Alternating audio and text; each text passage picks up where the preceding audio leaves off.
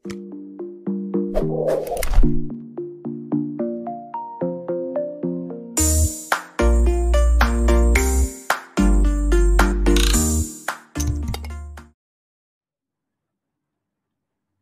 pagi, salam bahagia kerabat desa Indonesia. Pagi ini kita akan bincang-bincang tentang peradaban desa wisata. Jadi bagaimana seorang kepala desa membangun peradaban untuk sebuah desa wisata. Uh, sudah hadir Mas Dwi Handoyo. Handoko. Handoko. Oh iya, kacamata diuculi tadi rada meleset iki macane. Dwi Handoko sugeng ngejang Mas Dwi. Ya, Handoko biasanya, Pak. Oh, Mas ya. Dwi Mas Handoko. Handoko. Oke, Mas Handoko. Selamat pagi. Salam Selamat pagi. Ya, salam, salam berdesa. Ya. Jadi kalau di TV Desa salam bahagia kerabat desa Indonesia karena memang kita menganggap teman-teman bukan sekedar sahabat tapi kerabat, jadi keluarga. Uh, pagi ini kita akan membincangkan tentang peradaban desa wisata atau uh, membincangkan tentang bagaimana membangun sebuah peradaban agak berat melalui. bahasa ya, bahasanya. melalui, melalui peradaban ini apa lumayan berat ini karena Lurah Handoko yang mengajak bicara peradaban ya saya harus ngikutin aja walaupun ngomong peradaban ini saya kira masyarakat kita itu beradab apa enggak itu kadang-kadang masih beradab Pak beradab. Oke, sebelum kita ngobrol lebih panjang sama Mas Handoko, uh, kita akan saksikan dulu satu uh, video dari Serang Culture Festival kalau nggak salah ya. Kita ikuti uh, tayangannya berikut ini.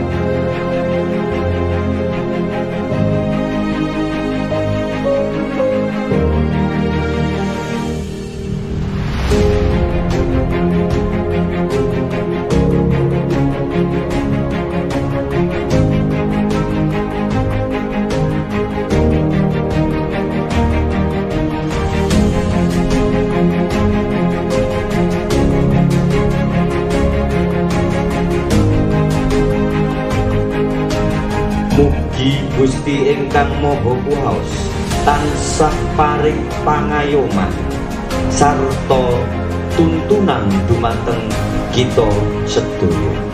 Lumunturing kawujud makmurin para kawula dasih jumbuh kang ginayuh rahayu ingkang tansah tinemu sarta saged kababar jatining nugroho kanthi sesanti Joyo Joyo Wijayanti Nirsambikala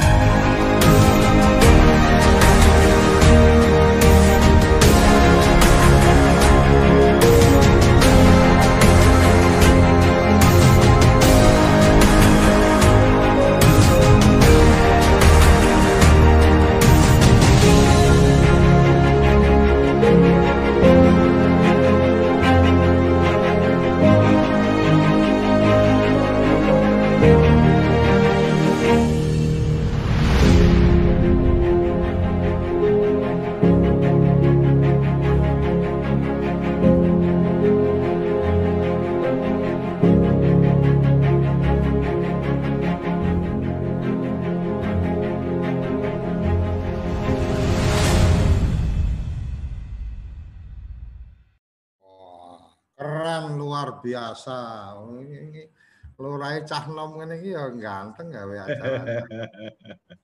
ya, Oke, okay, luar biasa. Jadi perpaduan antara budaya lokal apa sajen-sajen ya terus ya. kemudian ada uh, apa kayak waroan berarti apa uh, ada ya uh, barong apa barongan barong, barong. ini apa nek kalau di Blitar jenengnya apa kalau kita barong barong barong nah, barong layangan ngejazz uh ngeri gawe mau gawe anu juga apa istana pasir ya. yang gampang runtuh ya istana pasir kan ya. Iya, diambil fotonya aja setelah itu habis lagi, Pak.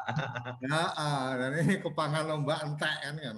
Iya. Oke, uh, Mas Handoko, menarik ini. Uh, ceritanya kayak apa ini? Satu kawasan itu memang kawasan wisata yang dimiliki oleh uh, desa atau mungkin tadinya itu bukan punya desa, kemudian desa mencoba masuk, menginisiasi menjadi bagian pengelola atau hari ini juga desa hanya dalam tanda petik apa uh, sebagai teman untuk mengelola atau menyemarakkan atau kayak apa ini ceritanya terus sampai ketemu bahasa peradaban desa melalui desa wisata karena ini apa topik yang ditawarkan sama tim redaksi ini hasil konsultasi dengan narasumber lumayan berat juga bicara peradaban.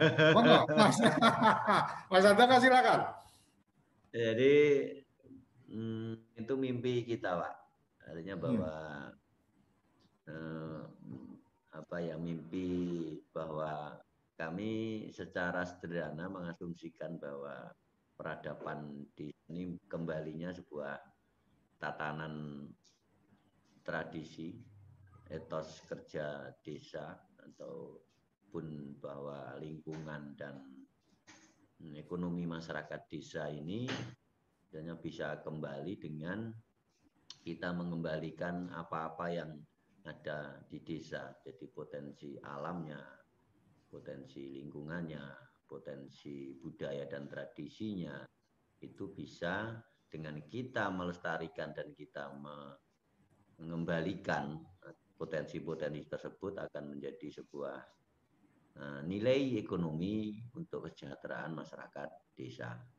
Jadi tidak ansik bahwa uh, yang namanya perekonomian atau kita mencari ekonomi sampai di istilahnya bekerja saja, tetapi dari tradisi-tradisi atau kita desa serang atau desa ini kita bisa mendapatkan rezeki dari potensi yang ada satu. Misal kita di Pantai Serang ini adalah salah satu potensi kita karena adalah potensi kita yang hari ini bisa kita kita create untuk menjadi sebuah eh, apa ya istilahnya untuk ekonomi masyarakat yang dulu sebelum saya menjabat karena hmm. sudah ada yang namanya Pantai Serang ini dulu puluhan tahun sudah ada. Hmm. Namun saat itu eh, pengelolaannya itu di Pemda. Jadi pengelolaannya di Pemda hanya ditarik tiket saja. Terus eventnya saja cuma hanya larung stadi aja setelah itu tidak ada eh, apa event-event yang lain yang menarik atau kekinian dalam perjalanan pengelolaannya dan tahun baru saja. Setelah itu tidak ada tidak ada uh, daya tarik di wisata kita. Tetapi setelah di tahun 2015 kita saat itu saya menjabat satu tahun itu kita mulai menginisiasi bahwa kita punya embrio culture yang dari turun temurun itu sudah kita lakukan yaitu selaku masyarakat pesisir yaitu terkait dengan larung sesaji satu suro. Yang itu memang sudah dilakukan berturun temurun larung satu suro. Akhirnya eh, dalam dalam perjalanannya kami menginisiasi yang namanya Serang Culture Festival itu. Jadi mulai 2015 berarti. Dari 2015. Yang walaupun waktu itu saat 2015 itu eh, status Pantai Serang ini masih dalam pengelolaan pemerintah daerah. Oh, Oke. Okay. Waktu itu kita artinya dengan itikat bersama di desa hmm. dengan karena sudah masuk di dalam rencana pembangunan jangka menengah desa kita bahwa saya saat saya menjadi kepala desa di periode pertama itu masuk di dalam RPJM Des kita. Jadi pengembangan hmm. desa wisata karena potensi wisata kita yang memang eh, wajib untuk kita kembangkan untuk kesejahteraan masyarakat. Dari setelah dari RPJM itu tahun 2016 baru kita eh, membuat yang namanya peraturan desa terkait pengembangan desa wisata. Nah, setelah perjalanan itu karena kaitannya dengan status kawasan wisata ini masih tahun itu 2015 itu masih adalah milik Pemda, kita me, kita memohon Bupati waktu itu jadi kita mohon untuk bahwa Pantai Serang ini menjadi eh, bagian pengelolaan atau istilahnya potensi yang bisa kita kelola desa. Yang akhirnya hmm. tahun 2018 Juni 2018 baru uh, deal um, dengan kembali ke desa dengan pola pengelolaan kerjasama perjanjian kerjasama pengelolaan kerjasama dengan Pemda, Perhutani dan desa dengan uh, model bagi hasil sampai hari ini. Tanggung jawabnya Jadi, desa apa Mas? Tanggung jawabnya desa di pengelolaan pelaksana di Eh, destinasi, Pak. Jadi dengan komposisi setelah di dari dari bagi hasil itu dari nilai tiketing masuk. Dari tiketing masuk wisata Pantai Serang itu setelah dipotong eh, apa asuransi sama pajak korporasi baru dibagi 25% ke Pemda, 25% ke perhutani, 50% ke desa. Dengan desa hmm. mempunyai tanggungan atau mempunyai kewajiban untuk hmm, seluruh operasional dan hmm, biaya wajib di eh, di wisata ini adalah menjadi tanggung jawab di.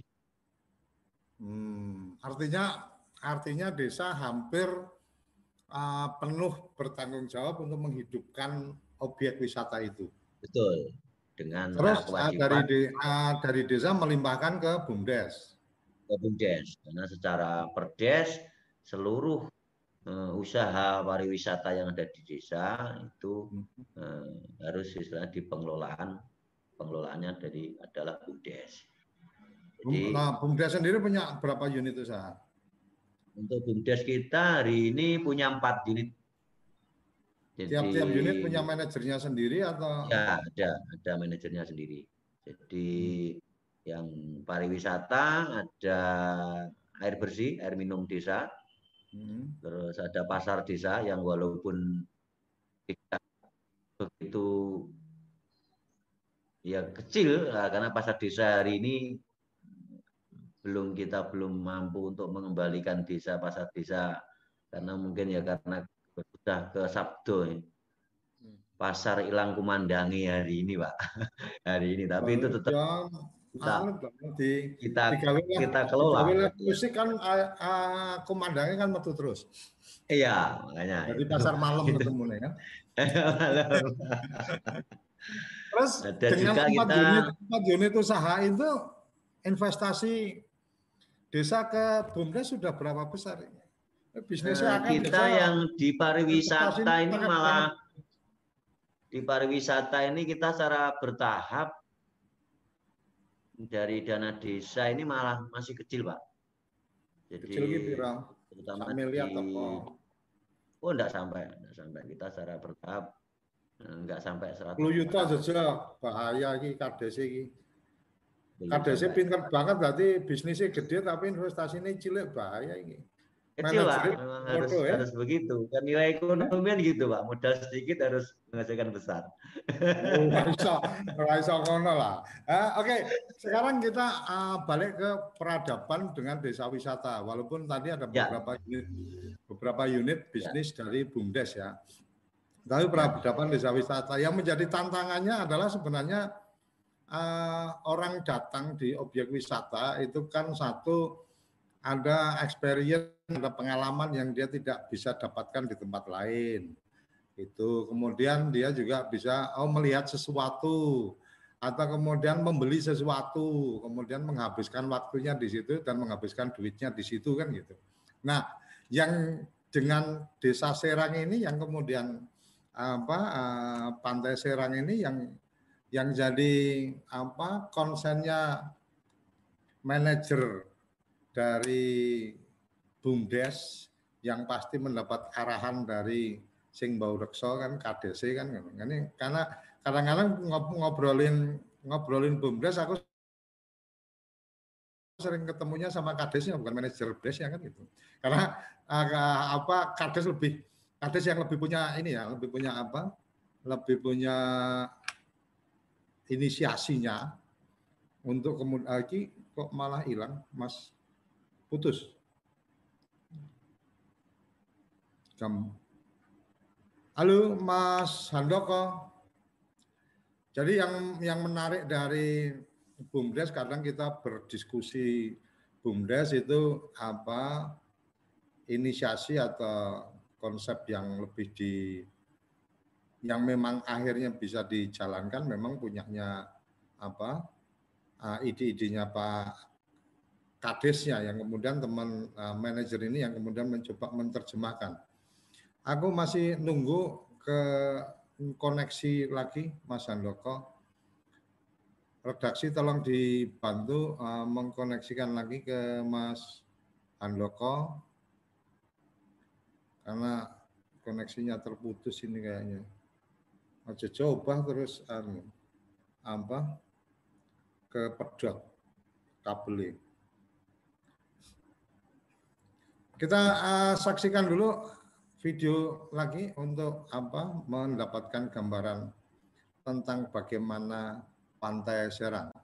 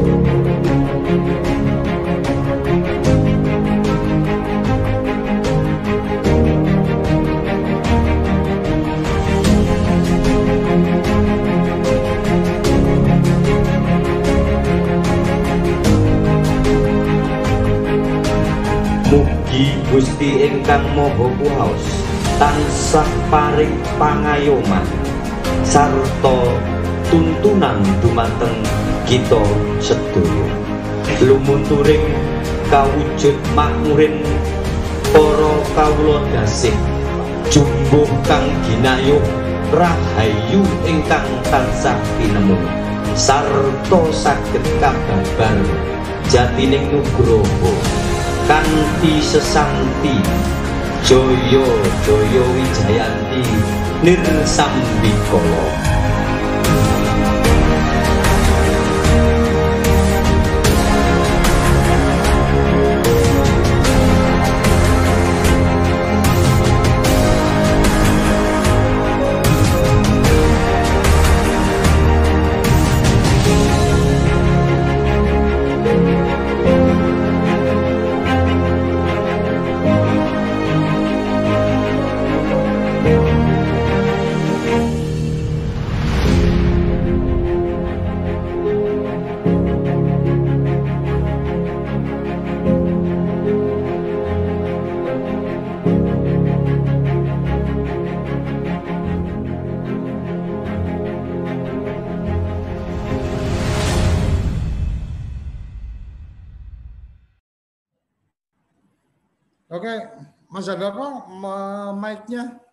di mute, ya. unmute. Ah, oke, okay. ya udah. Halo. Sudah, sudah. Ya, halo, halo, halo. Oke, ya. ya. Uh, jadi tadi uh, sempat terputus, sorry. Jadi uh, yang menarik menurut saya adalah ketika ngobrolin tentang badan usaha milik desa, memang lokal leadernya ini lebih banyak ke teman-teman kepala desa. Artinya lurah lebih punya apa lebih punya peran lah sebagai motor ya, uh, ya atau lokal leadernya. Uh, yang, yang kemudian komisaris. Iya, ya? Secara eksvisio kan komisaris. Ya, secara uh, ex officio-nya komisaris jadi apa kadang-kadang direkturnya dari rakyat juga gitu kan. Ya. Oke, okay. jadi gini. Adalah pelaksana dari program kerjanya komisaris. Oke, okay, jadi mungkin sekarang lebih ke uh, ada ketika kita bicara kemudian bicara ke wisata tadi, kemudian akan kita ya. angkat wisatanya. Sekarang ya. dengan pun ke kondisi COVID hari ini suka tidak suka banyak hal yang kemudian harus ada terobosan-terobosan dan seterusnya. Apalagi kalau kita lihat dari video itu kan yang diandalkan kan memang crowdnya atau kerumunannya orang berkerumun karena pengen nonton jazz festivalnya, kemudian ya, orang berkerumun karena memang pengen lihat ritualnya orang berkerumun pengen lihat apa patung-patung pasirnya orang berkerumun karena pengen apa eh, bermain layang-layang dan seterusnya gitu kan. Nah, kondisi Covid suka tidak suka kan ini pasti akan terganggu. Nah, uh, kita tidak akan mendiskusikan Covid karena saya tidak kurang tertarik bicara tentang Covid ini. Lebih dalam konteks bagaimana kemudian mencari apa mencari celah atau mencari cara tentang bagaimana secara ekonomi itu tetap bisa berjalan, tetapi kemudian apa kembali ke desa wisata, kembali ke peradaban, sebenarnya tahapan proses untuk kemudian memberikan apa ya pemahaman atau edukasi ke uh, warganya bahwa kita ini mengembangkan desa wisata, maka sikap kita, perilaku kita dan seterusnya itu memang harus membuat nyaman tamu-tamu yang datang kan gitu. Jangan sampai cari parkiran aja ketemu sama orang yang sangar-sangar gitu kan atau mungkin apa uh, jalan-jalan uh, juga jalan-jalan uh, mungkin uh, anak-anak mudanya nongkrong sambil melototin yang cantik-cantik itu kan risih juga untuk kemudian orang pada datang. Contohnya seperti itu atau mungkin apa tempat-tempat uh, um, uh, orang yang ber melakukan perjalanan atau lintasan di situ mungkin uh, numpang bertanya atau apa kurang ramah dan seterusnya itu kan bagian yang uh, suka ya. tidak suka memang harus di prepare. Apa yang sudah dilakukan Mas Lurah ini? Ya, atau ya, jadi, kesulitannya seperti apa untuk memulai itu? Jadi awal-awal memang hmm, wisata kita sebenarnya kita akui sebenarnya sudah lama Pak. Cuma nantinya ramenya ini dulu, jadi ramenya dulu itu saatnya event-event tahun baru atau larung saji waktu itu. Ataupun hari liburan itu pun istilahnya pada sebelum 2014 karena belum juga ada sinkronisasi program pengembangan pariwisata oleh Pemda, jalan menuju dari kota ke desa wisata Serang ke Pantai Serang ini pun juga waktu itu sangatlah sulit. Jadi 40 kilo dari kota kabupaten dengan jalan yang naik turun dan berlubang saat itu lima tahun yang lalu. Dalam perjalanannya kita membuktikan bahwa eh, semenjak saya menjabat dengan visi misi saya yang utama memang eh, potensi yang paling cepat atau potensi yang bisa segera untuk bisa kita kelola dan itu bisa berdampak real kepada ekonomi masyarakat yaitu eh, pariwisata atau pengembangan desa wisata. Tentu di awal-awal eh, adalah satu ke kemuskilan ya, ya istilahnya orang masyarakat pun dengan mimpi itu tapi dalam perjalanannya karena saat saya mencalonkan diri menjadi kepala desa di periode pertama, visi misi yang memang saya gaungkan adalah eh, potensi pariwisata yang harus istilahnya itu kita kelola desa dan masyarakat harus eh, mendapatkan manfaat ekonomi dari pariwisata tersebut. Akhirnya kita menetapkan di RPJM desa kita melalui musyawarah desa bahwa RPJM desa saya yang periode pertama itu nilai prioritas kita, istilahnya program prioritas kita yang selain memang eh, apa ya belanja wajib, ini inovasi kita adalah di pariwisata dan dalam perjalanannya kita memang yang paling eh, yang paling ekstra ekstra ordinary. Jadi hmm. cari ekstra untuk untuk untuk apa ya istilahnya menguatkan kapasitas masyarakat bahwa hmm, selaku kita sebagai desa wisata ini harus satu yaitu terkait dengan menciptakan sabta pesona terkait dengan kenyamanan, kebersihan, keindahan, keramah taman, terus nanti ketertiban di situ harus ada bahwa istilahnya kenangan dan lain sebagainya. Yang itu tentu istilahnya harus menjadi prioritas pertama di saat kami sebelum launching terkait dengan disabilitas tahun 2015. Hmm. Akhirnya dalam perjalanan itu kami di 2016 menyusun bersama BPD juga melalui musyawarah desa kita menyusun yang namanya Perdes tentang pengembangan desa wisata, di mana bahwa di Perdes itu secara detail kita secara kita susun di situ akan menjadi sebuah rule di desa dan kita selalu sampaikan selalu kita selalu sosialisasikan bahwa kita ini adalah desa wisata desa wisata sampai tahun eh, saat kita di 2015 mulai ini kita bisa membuktikan bahwa saat saya Hmm, di periode pertama di tahun 2015 ini saat itu ada sebuah saresen desa yang diselenggarakan oleh Universitas Brawijaya Malang yang mana bersama dengan beberapa dari Kementerian Desa kalau tidak salah waktu itu hmm. itu kami diundang salah satu menjadi 10 finalis dari inovasi desa tingkat Jawa Timur. Jadi satu tahun saya mengembangkan desa wisata itu saya kami dari desa ini diundang oleh Universitas Brawijaya untuk mengikuti yang namanya kompetisi desa inovasi se-Jawa Timur dan tanpa disangka dan tanpa dinyanat dan tanpa kita ada target sama sekali karena saya masih menjadi kepala desa dua tahun dan pengalaman belum ada sama sekali.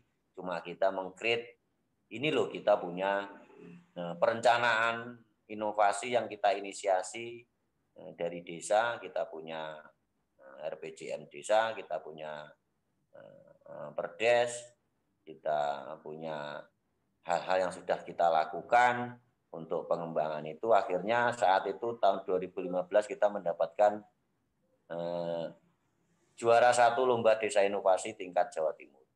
Dan secara berurutan saat Pemda mengadakan lomba juga terkait dengan Eh, perencanaan desa wisata kami secara sederhana waktu itu saat ada dua tahun menjabat itu kami menyusun yang namanya master plan secara sederhana. Jadi hmm. master plan itulah yang menjadi eh, menjadi kitab kita di dalam menjalankan eh, step by step dalam perjalanannya untuk mengembangkan desa wisata. Dari situ eh, terkait dengan hal-hal yang terkait dengan pengelolaan desa wisata, terkait dengan terutama karena ikon utama kita adalah wisata Pantai Serang, karena kita sudah di 2015 ini kita belum punya status pengelolaan kawasan wisata Pantai Serang. Yang dari awalnya mohon maaf dari awalnya Pantai Serang ini ramenya itu tadi hanya di Selarung di Suro sama hari libur itu pun tidak begitu signifikan. Ataupun tahun tahun baru kalau ada dangdut. Hmm. Akhirnya setelah kita create sejak tahun 2015 kita mengadakan yang namanya Serang Culture Festival. Awalnya juga masyarakat juga tidak yakin seperti ini seperti apa kok istilahnya bisa mendatangkan pengunjung terus istilahnya eh, kita bisa berjualan mendapatkan hasil apa tidak.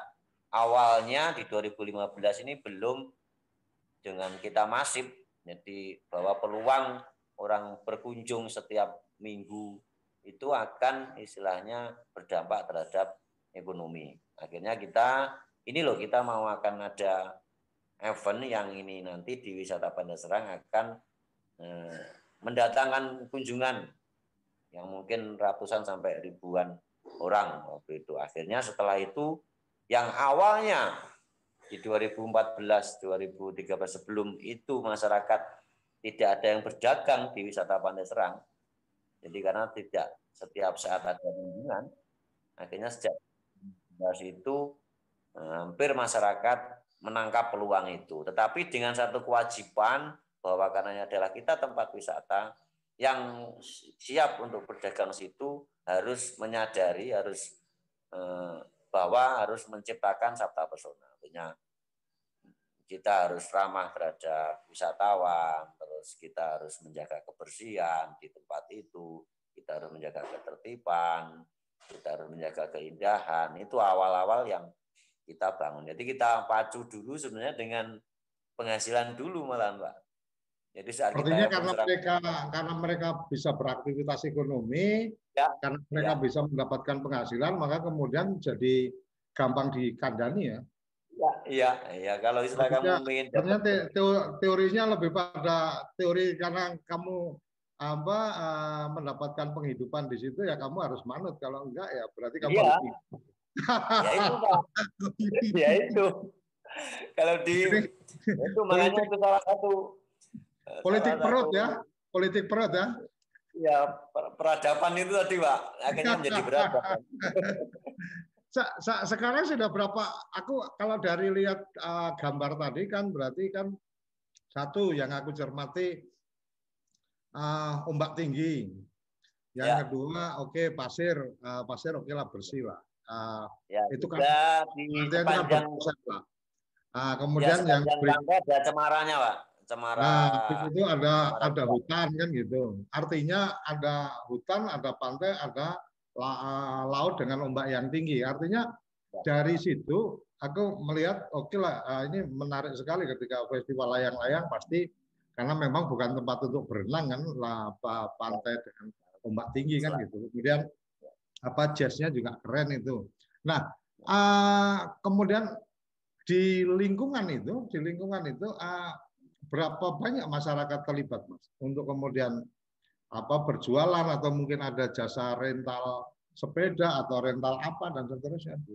Kegiatan bisnis apa?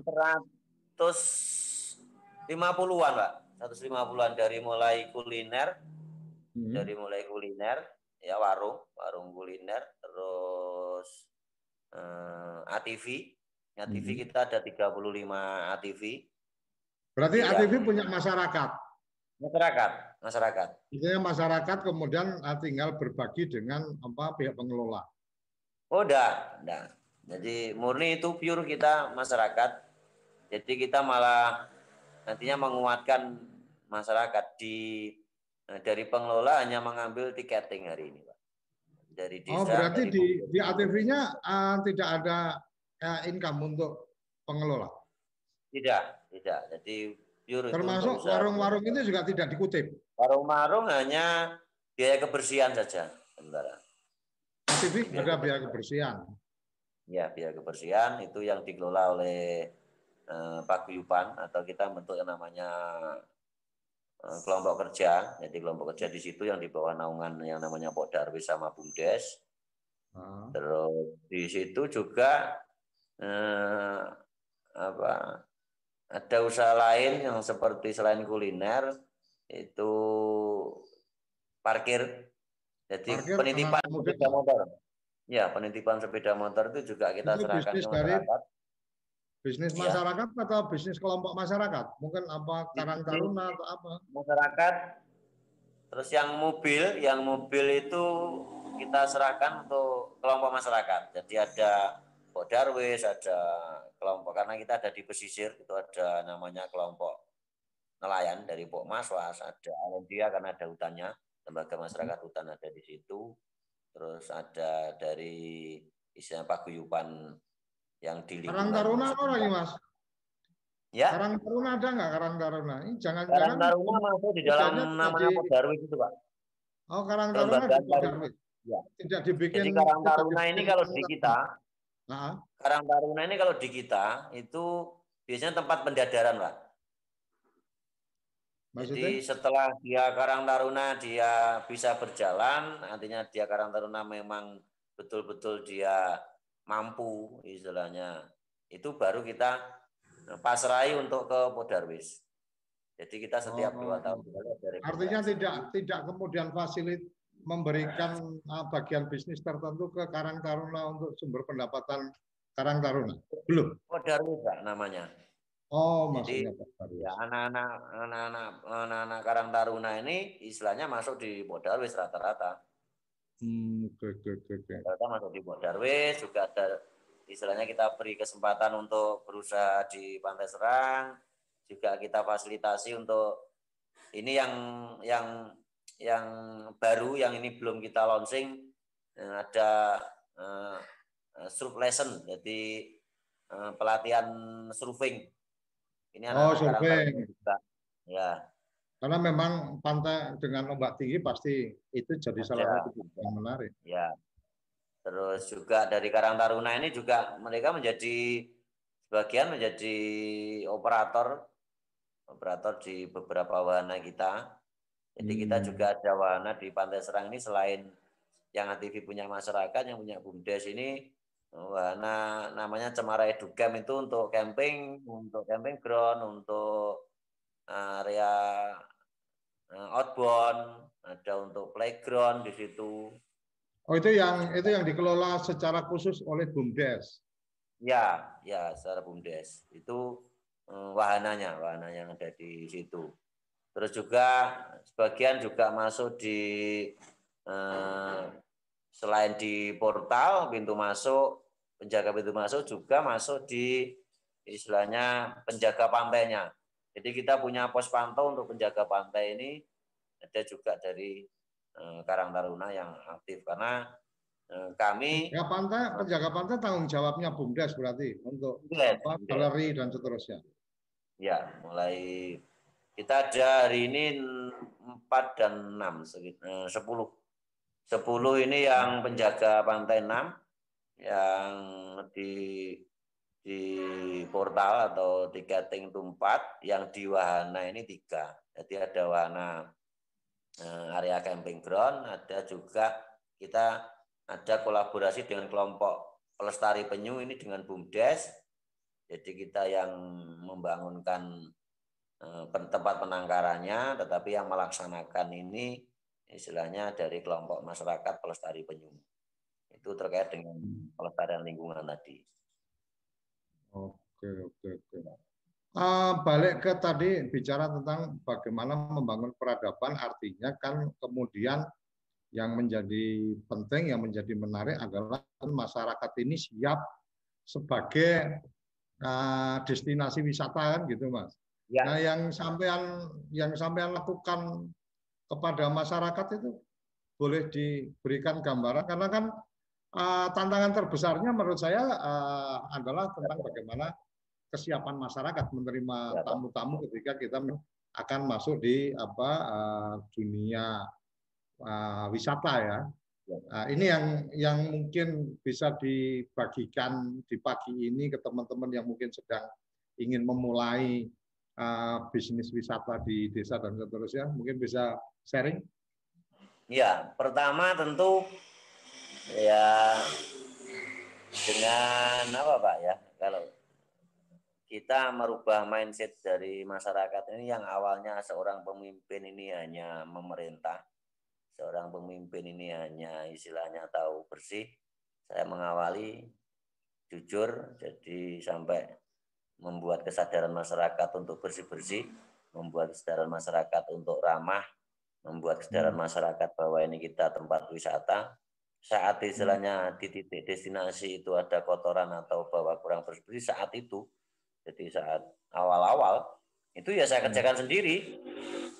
Jadi hmm. ya tabu juga. Ya, saya sapu sapu sendiri. Ini warung ini kok nggak anu terus tempat ini kok ya saya bersihkan sendiri ayo sama-sama. Jadi hmm. awal-awal di situ seperti itu. Terus juga membangun kesadaran keramahan juga seperti itu saat tamu mungkin kawan-kawan belum anu kita beri contoh.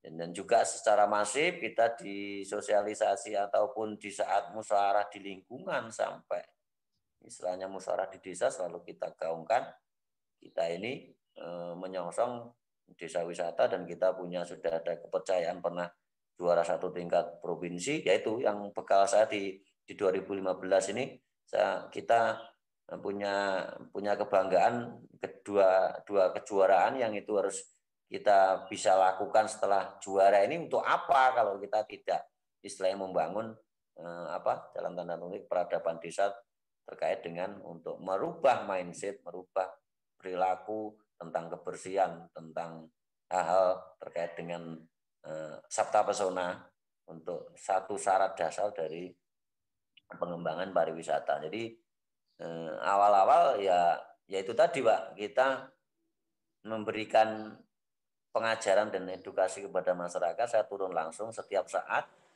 Jadi setiap saat 24 jam. Jadi hal-hal yang mungkin tabu awalnya saat kita ada event ada hal-hal yang kurang pas dan sebagainya semuanya bisa kita sama-sama kita lakukan bersama pemuda bersama Kodarwi sekarang Taruna dan lain sebagainya saya selalu di depan jadi seperti oh, ini okay. ya Oke, kita akan lanjutkan dengan Mas Lurah Handoko. Kita ingin tahu nih lokasi uh, objek wisata dengan perkampungan jauh, apakah di situ juga ada model-model apa uh, homestay atau memang menyiapkan ya, untuk camping ground saja dan seterusnya. Kita akan ngobrolkan setelah yang satu ini, jangan ke mana-mana. Kamu tinggal di pulau terpencil, pegunungan pinggiran kota, atau daerah di Indonesia yang tidak terjangkau jaringan fiber, ADSL, dan juga 3G. Internetan dengan cepat pasti cuma akan menjadi mimpi. Mau pakai tol langit, pakai desa wifi, kunjungi www.desawifi.id. Ayo, kandidat kepala daerah, manfaatkan kesempatan ini TV Desa mengundang Anda bicara desa. 5 menit bisa. Bicara Desa. Sebuah program tayangan monolog. Konsep membangun dari desa. Dari kandidat untuk masyarakat. 5 menit bisa. Bicara Desa. Hanya di TV Desa.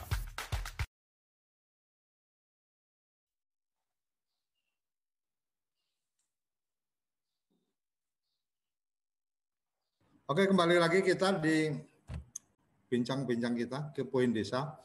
Ke poin desa selain uh, tayang di satelit kita di satelit merah putih Telkom, kita di Nusantara 1 PSN, kita juga uh, tayang live di YouTube dan juga bisa disaksikan di aplikasi Genflix dan Kuku.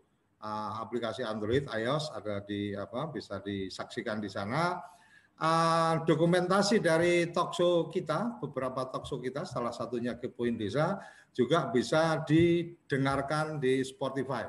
Jadi cukup cari TV Desa, uh, dokumentasi obrolan kita ada di podcast juga. Jadi ini akan menjadi tersebar luas inspirasi-inspirasi membangun desanya, inspirasi-inspirasi tokoh-tokoh lokal uh, desa, leader uh, lokal leader desa yang kemudian berani apa membuat terobosan-terobosan, melontarkan gagasan dan yang menjadi penting adalah tidak sekedar melontarkan gagasan tetapi juga mengeksekusi gagasan itu. Salah satunya yang sudah hadir nah, Mas Lurah Handoko dari Blitar ini luar biasa. Ah, kecerdikannya untuk tidak banyak keluar duit dana desa tapi apa wisata desanya bisa berjalan.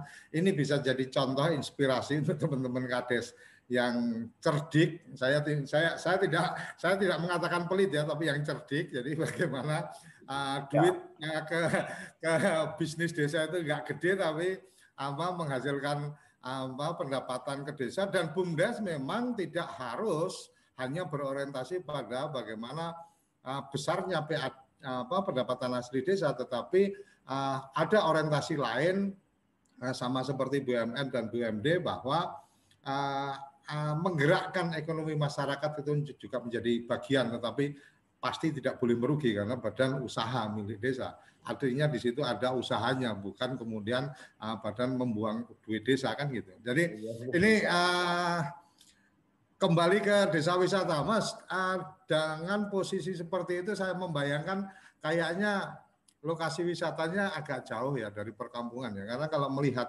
ama uh, ombak tinggi pasti mungkin bukan pilihan untuk kemudian menjadi nelayan karena perjuangannya pasti sangat luar biasa gitu kan kemudian kalau dilihat di situ ada pinus-pinus atau ada hutan mungkin ya itu memang agak di pinggiran desa dan seterusnya. Nah, uh, mencapai lokasi itu apakah memang ada perkampungan dekat situ atau kemudian uh, untuk ke situ memang secara spesifik atau orang memang secara khusus akan datang ke situ atau gimana?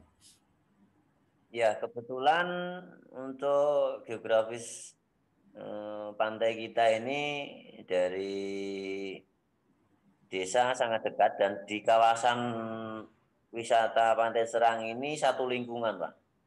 Oh gitu. Jadi ini kawasan kawasan hutan tetapi berdekatan dengan eh, perkampungan. Tanah ya tanah pemajekan kita. Jadi sangat dekat.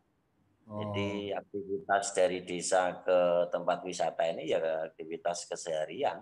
Keseharian. Hmm. Ada nelayannya juga sekitar 50-an kakak yang walaupun nelayan ini nelayan yang yang paling berani karena ya. untuk masuknya ini taruhan nyawa, untuk keluarnya ini taruhan nyawa. Iya betul. Dengan lihat lihat ombaknya yang tinggi itu itu nelayan-nelayan hebat aja itu yang berani masuk. Ya, hebat. Jadi nyawanya double semua, Pak. nyawanya double. Tapi uh, ide ide shipping luar biasa ya. Berarti itu baru Artinya memang belum uh, banyak, uh, memang sudah ada yang memulai, ada wisatawan yang datang ke situ hanya untuk surfing atau memang kemudian uh, Mas Lurah ini memulai untuk kemudian coba deh anak-anak muda mema, apa uh, ada apa olahraga itu. Awal awal awalnya sebenarnya dulu dulu ada beberapa profesional yang datang ke sini juga hmm. pernah ada turis asing mencoba ke sini sampai beberapa hari. Terus kebetulan anak-anak ini juga tertarik. Akhirnya dari dari perkenalan mereka ayolah coba istilahnya bisa belajar istilahnya survei yang walaupun mungkin tidak sampai profesional minimal target kita dari anda belajar survei ini minimal ada eh, dari nilai dari jenengan bisa hobi juga ada nilai yang akan Anda dapat seperti jasa, artinya mungkin ada nanti uh, lesson, surveying lesson, pembelajaran seperti itu, seperti itu. Nah, akhirnya dari salah satu pemuda kita itu pernah ke Bali juga, jadi satu tahun di sana, dia pulang berapa kurun waktu akhir-akhir uh, awal-awal 2020 ini akhirnya kita modali untuk uh, papan surfing jadi ini saat-saat ini masih kita persiapan mau launching untuk uh, surfing lesson. Ini anak-anak kita. Jangan-jangan, jangan Mas Lura udah membayangkan ada akan ada apa festival apa surfing atau tingkat nasional internasional dibikin di situ. Ngeri oh juga. iya. Eh? Iya arahnya nanti ke sana cuma secara bertahap Pak. Secara bertahap, secara bertahap, secara bertahap ya. Artinya kan iya. dengan dunia dunia sosial media yang sekarang sudah luar biasa, ya. digital sudah luar biasa. Ketika teman-teman bisa membagi informasi bahwa ini loh tempatnya asik dan seterusnya kan akan banyak mengundang teman-teman untuk menjajal apa menaklukkan ombaknya di Serang kan gitu. Taklukkan ya. Serang gitu kan. Eh?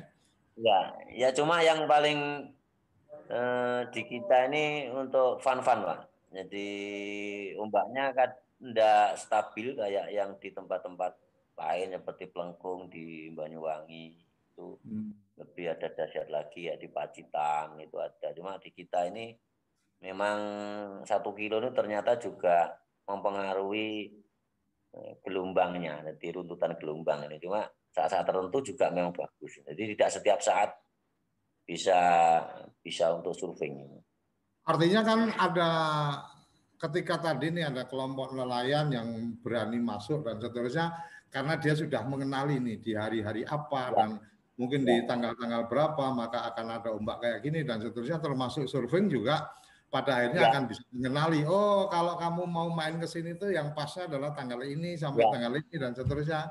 Kalau saya melihat bahwa uh, ini memang kembali ke salah satu yang pernah disampaikan uh, teman pas kita ada ketemuan dengan salah satu wakil bupati dia mengatakan bahwa uh, yang menjadi penting untuk membangun desa, membangun daerah itu adalah bagaimana ketika teman-teman tokoh di desa atau kemudian aparatur desa atau aparatur pemerintah daerah itu menemu kenali potensi di daerahnya masing-masing atau menemu kenali desanya masing-masing. Nah ini yang mungkin menjadi catatan penting untuk kita bareng mungkin Mas Lurah. Ah, artinya menemu kenali potensi itu menjadi sangat penting ketika taruh kata nih ah, satu contoh ketika kita kemarin sempat main ke untuk setumbu umpamanya saya ada kenal Ya. salah satu apa tour guide di sana apa Mbak si Cemplon itu dia sampaikan bahwa kalau di sini itu kalau mau lihat apa posisi bagus itu di jam berapa jam berapa. Kalau matahari terbit itu kalau Ya. bulan ini itu ada di titik itu. Kalau bulan ini nanti geser di titik ini. Ini artinya ya dia yang paling paham tempat itu sehingga inilah yang kemudian bisa jualan. Kan gitu. Pada saat sunrise-nya itu kalau kamu mau lihat itu di sebelah mana itu tergantung hari ter, ter, eh, ter- bukan ter- tergantung tanggal bulannya kan gitu sama seperti surfing mungkin ketika nanti sudah ket- ketemu oh berarti tanggal ini bulan apa pada bulan ini Ya. itu eh, posisi ombak yang paling bagus buat main sehingga pada tanggal-tanggal yang itu apa Ya. itu kemudian jadi tantangan untuk teman-teman pada datang kan kita kira-kira gitu benar ya Mas Lurah ya Ya betul, ya betul. Seperti itu juga hari ini yang lagi lagi tren di kita ini sunset. sunset Jadi sun- sunset matahari terbenam kita di Blitar dan sekitarnya paling istimewa karena saat-saat bulan bulan Oktober, Oktober, November, Desember ini tepat tadi kayak di sebagian video tadi itu di bulan Oktober, November, Desember ini seperti di Sanur Bali. Jadi tepat dia eh, tenggelam di pantai, di tengah pantai. Ini kita eh, hampir dua tahun ini sudah menjadi hit di di media sosial dan eh, wisatawan. Jadi setiap weekend atau eh, malam satu sore ataupun minggu sore itu pasti hampir 30 persenan wisatawan ini malah datangnya sore-sore ingin melihat sunset. Artinya bahwa momen-momen seperti itu itu juga menjadi mm, menjadi daya tarik tersendiri buat wisatawan yang tidak perlu jauh-jauh ke sunset lihat ke Bali di Serang ada Pantai Serang Balitar. Wah, Gitu. itu kan itu salah satu bagian yang menarik. Mas Mas Lurah, di lokasi itu sinyal uh, untuk internetnya bagus? Untuk internetnya Telkomsel sama Indosat agak jelek, Pak. Yang bagus? Agak buruk, agak buruk. Ini, Pak, yang Oh, menjadi gitu ya. kendala hari ini, Pak. Ya, agak buruk. Tapi akhirnya Ya, kita Ya, terus sekarang beberapa posisinya warung ada WiFi. Hmm. Aku sempat kepikiran gini sebenarnya salah satu yang apa uh, yang menjadi daya tarik alam kita kan sunrise sama sunset. Ya. Artinya matahari terbit sama matahari tenggelam itu kan sesuatu yang uh, tidak akan pernah sama. Artinya warnanya nggak akan pernah sama dan seterusnya kan gitu. Nah, uh, pernah kebayang sih, pernah kebayang satu saat kalau mungkin kita bisa berkolaborasi dengan teman-teman yang punya titik-titik pemandangan yang bagus untuk apa sunrise maupun sunset itu kemudian di titik itu dipasang kamera gitu kan. Kemudian kita pa- pasang fasilitas untuk akses internet Sehingga mungkin TV Desa akan menampilkan apa sunset di Blitar tanggal sekian sampai tanggal sekian. Jadi setiap jam matahari tenggelam itu kemudian cukup mantengin nonton TV desa bisa oh ini kita serasa lagi ada di Serang Blitar kan gitu. Mungkin hari ya. besok kita melihat matahari tenggelam dari Sanur, mata hari besok lagi matahari terbit dari puncak Sumbing, matahari terbit dari mana. Saya sempat membayangkan mungkin ya. akan menjadi satu daya tarik tersendiri untuk kemudian menyaksikan TV desa dan kemudian pengen datang ke lokasi karena ya. sempat ada uh, sempat ada yang kemudian menyampaikan pemikiran bahwa Mas kalau sudah nonton di virtual kan jadi nggak datang ke tempat. Saya malah ya. berpikirnya terbalik. Mestinya bukan seperti itu yang dipikirkan. Yang dipikirkan adalah karena sudah melihat di videonya, di virtualnya, maka kemudian terpikir untuk datang langsung karena sensasinya beda sama-sama dapat angin kalau ya. dari rumah nonton TV itu anginnya cuma kipas angin atau AC kan gitu. Tapi kalau di lokasi itu merasakan ya, petir kan gitu dan seterusnya. Ya. Ini sensasinya itu beda. Nah, ini yang yang sempat kita ini mungkin ya. uh, kapan waktu kita bisa tektokan lebih lanjut kalau untuk ide yang ini karena kita butuh ketemu teman-teman kades yang apa yang bisa diajak apa berpikir untuk agak beda lah ya. Artinya kalau yang biasa-biasa saja ya. ya ya ya banyak kan gitu. Tapi kalau yang ya. diajak untuk sesuatu yang lain itu kan nggak gampang juga orang untuk diajak ke sana. Kira-kira kayak gitu, Mas Lurah. Tanpa ya. terasa kita tinggal waktu ya. dua menit. Aku apa uh, di samping tadi yang sudah kita obrolin, semoga Kayaknya belum cukup Pak ya. Nah, silakan apa closing statement dua menit terakhir kita ini orang orang kerasa. Satu jam itu kalau udah ketemu sama teman-teman yang luar biasa gini nggak kerasa. Silakan Mas Lura ya terima kasih untuk uh, Bapak. Saya manggilnya Bapak Nopo? Mas Wae. Aku kok ketok tua Mas banget. Suryo. oh iya Mas Suryo. Dari TV Desa terima kasih atas Eh, silaturahminya dan bincang-bincang yang ngopi, jadi ngobrol pintar untuk eh, membangun dan menuju sebuah perubahan dan kemajuan desa di di Indonesia. Tentunya kami sepakat dan mudah-mudahan melalui TV desa TV desa ini semakin eh, banyak kita termotivasi untuk bahwa desa ini harus berjaya. Desa ini adalah sebuah kekuatan ekonomi yang katanya Iwan Fals, desa ini adalah menjadi kekuatan ekonomi dan tentunya dari desa akan membawa sebuah perubahan dan kemajuan untuk Indonesia. Eh, salam dari kami, dari Desa Serang, Kecamatan Bangrejo, Kabupaten Blitar. Salam dari desa untuk negeri. Terima kasih, matur nuwun sekali Mas Lurah Handoko. Luar biasa. Luar biasa obrolan pagi ini. Satu inspirasi, satu apa pembelajaran. Kita pengen setiap acara kepoin desa minimalnya kita mendapatkan informasi, setidaknya kemudian kita juga bisa mendapatkan inspirasi. Dan kalau memang memungkinkan lebih lanjut maka kita dapat membangun interaksi bisnis, membangun apa peluang-peluang kerjasama ke depan dalam sebuah semangat memuliakan desa-desa Indonesia. Memuliakan desa desa Indonesia artinya kita harus tamakan desa-desa di Indonesia menjadi uh, sesuatu yang apa uh, dipertamakan, diutamakan, dimuliakan. Oke, sampai di sini Kepoin Desa hari ini kita akan ketemu di Kepoin Desa tiap pagi pukul 8 sampai pukul 9 sempatkan waktu uh, untuk bisa uh, mengikuti acara Kepoin Desa bisa melalui channel-channel satelit kita maupun menggunakan aplikasi di Android maupun iOS ada di Genflix dan juga di Google. Kalau uh, kebetulan uh, akses internet bagus menggunakan layanan YouTube kita live juga di YouTube. Demikian Sampai jumpa di episode berikutnya. Salam bahagia kerabat desa Indonesia. Sampai jumpa.